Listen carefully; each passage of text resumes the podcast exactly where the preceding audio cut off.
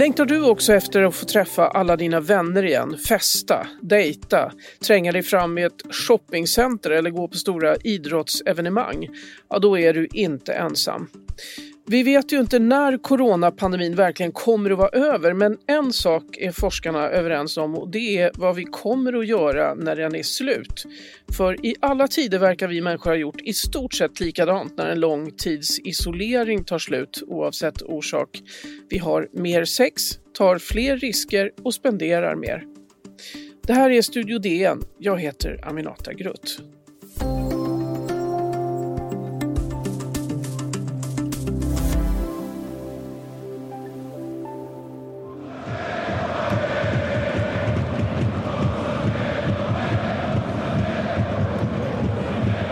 Ja, ljudet av tusentals fotbollssupporters på en arena, stämningen i publiken och den blågula väggen. Det är bara några exempel på vad många har saknat att få uppleva under 2020 som försvann in i dimman utan både OS och fotboll. Och inte fick vi festa loss i barer eller på konserter heller. Och det värsta är att ingen vet hur länge till det ska vara så här. Kan allt någonsin bli som vanligt igen? Vi har med oss DNs reporter Evelyn Jones. Hallå där! Tjena! Hur tacklar du coronaisoleringen? Eh, dåligt, måste jag säga. Jag eh, lyssnade nu på det där ljudet av den här fotbollsmatchen och kände att jag skulle vilja vara där fast jag inte ens gillar fotboll. Eh, så man kan säga att jag verkligen saknar det sociala livet som man hade innan. Hur har du förändrat ditt beteende under pandemin? Eh, jo, men man har ju börjat vara jättemycket mer försiktig såklart och eh, kan liksom inte göra de sakerna som man förut tog för givet att man kunde. Um, så ja, jag, jag, är så försiktig jag kan, kan man säga. Ja, och nu, nu när du pratar med oss så är du hemma också, eller hur? Exakt, det är ju mm. en, en av de stora grejerna, att man inte får gå till jobbet och träffa kollegorna längre. Mm. Som så många andra, men... Exakt. Och du, det här med att vi människor när vi kommer ut ur en långtidsisolering blir som nyutsläppta kalvar på grönbete efter en lång vinter. Vad finns det för forskning kring det egentligen? Ja, alltså jag har ju pratat med eh, Nikolas Christakis, heter han, som är en professor på Yale. Han har precis skrivit en bok om eh, coronapandemin och jämför den då med tidigare pandemier. Eh, och då kan man ju se att i flera av de tidigare pandemier som liksom vi har drabbats av där man har haft sam samma typ av, alltså i liksom många hundra år har man haft samma typ av eh, försiktighetsåtgärder, att man måste hålla social distans, att eh, man måste liksom vara försiktig med sin handhygien och inte kan träffas och hela den biten. Och då ha, eh, har man då sett att eh, efter åt så är, finns det ju ett extremt uppdämt behov av att göra just detta och det kommer liksom ofta en guldålder av istället fest, eh, risktagande, sex, eh, att man vill spendera pengar, alla de sakerna man inte har kunnat göra under den här tiden när man liksom har varit i en, i en lockdown eller så gott som lockdown. Finns det några särskilda exempel vi kan dra här? Alltså det är väl ända ifrån antikens Grekland och fram till nu liksom som ja, precis. drabbats. Den, som, den, den pandemin som man liksom ju oftast eh, drar paralleller till är väl spanska sjukan. Det är väl också för att det var den sista, liksom, eller senaste globala, riktigt dödliga eh, sån här typen av pandemi. Eh, och där hade det, det är ganska roligt om man tittar på typ reklam, reklamer från den tiden där det är så himla likt nu. Att så här, bär mask, tänk på att inte vara nära varandra och allting. Eh, och därefter så kommer ju då det, eh, det vilda 20-talet där, mm, där det var precis så att det var liksom eh, folk festade, det var ny, nya musikgenrer kom upp och det liksom blev en eh, precis, precis det här som jag hoppas på ska hända efter den här pandemin.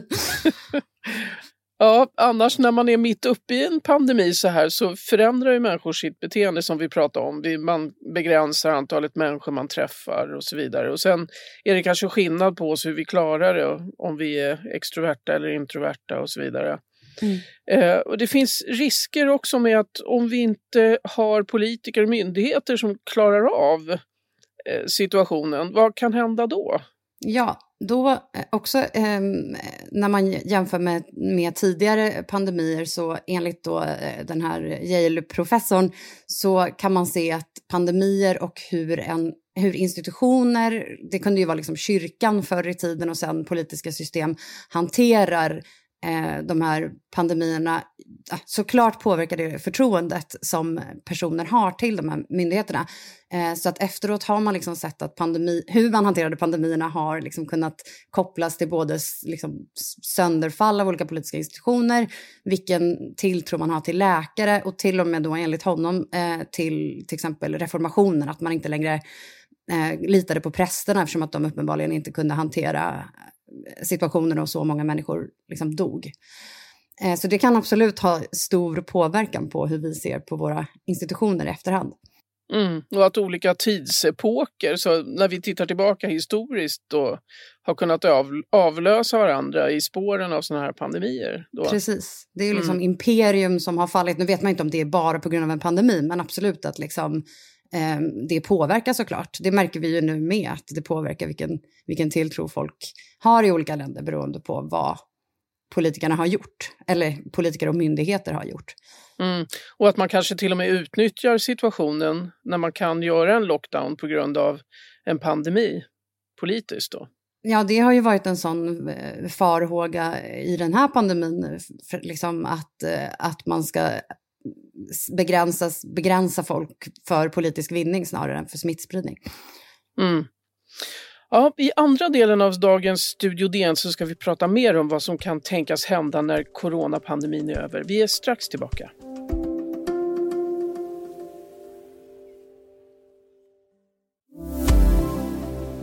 Ja, vi pratar med DNs reporter Evelyn Jones om pandemier, isolering och människans beteende under och efter en kris av det slag som vi upplever just nu. Evelyn, hur blir det nu under 2021 tror du? Vad kommer att hända? Ja, det tråkiga då som min förhoppning var ju att det här snart skulle vara över, men när jag pratade med eh, Nicolas Christakis så sa ju han att det här är absolut inte över. Eh, vi lever ju vi lever liksom i en unik tid så tillvida att om man tittar på tidigare pandemier har ju de absolut inte haft någon möjlighet att skapa ett vaccin på den snabba tid som vi har lyckats göra det. Men vi måste ändå uppnå det här eh, utskällda ordet flockimmunitet för att, för att liksom pandemin på riktigt ska vara över. Och han menar att det kommer dröja till, till 2024 innan vi kan återgå till ett liv som är liksom någorlunda normalt. Han sa till och med att Eh, vaccinationen är en jättestor sak, men det är inte början på slutet. Det är bara börja, liksom slutet på introduktionen till eh, det här som pågår. Så att eh, 2024, eh, det var ju en liten tråkig... Eh, det, ja, det är ganska långt fram. det är ganska långt fram, men då blir det å andra sidan så mycket roligare. och, men annars då, man skulle ju kunna tänka sig att alla som blir vaccinerade blir någon slags A-lag som får festa och hålla på.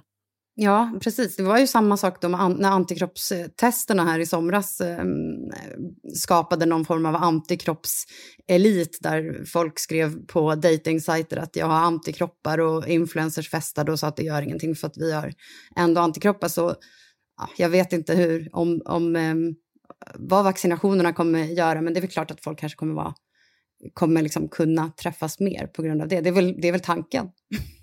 mm. Ja, det är ju hemskt om det skulle behöva dröja ända till 2024 innan vi kan få bete oss på någorlunda vanligt igen. Alltså kommer det någonsin att kunna bli som vanligt igen, undrar man ju.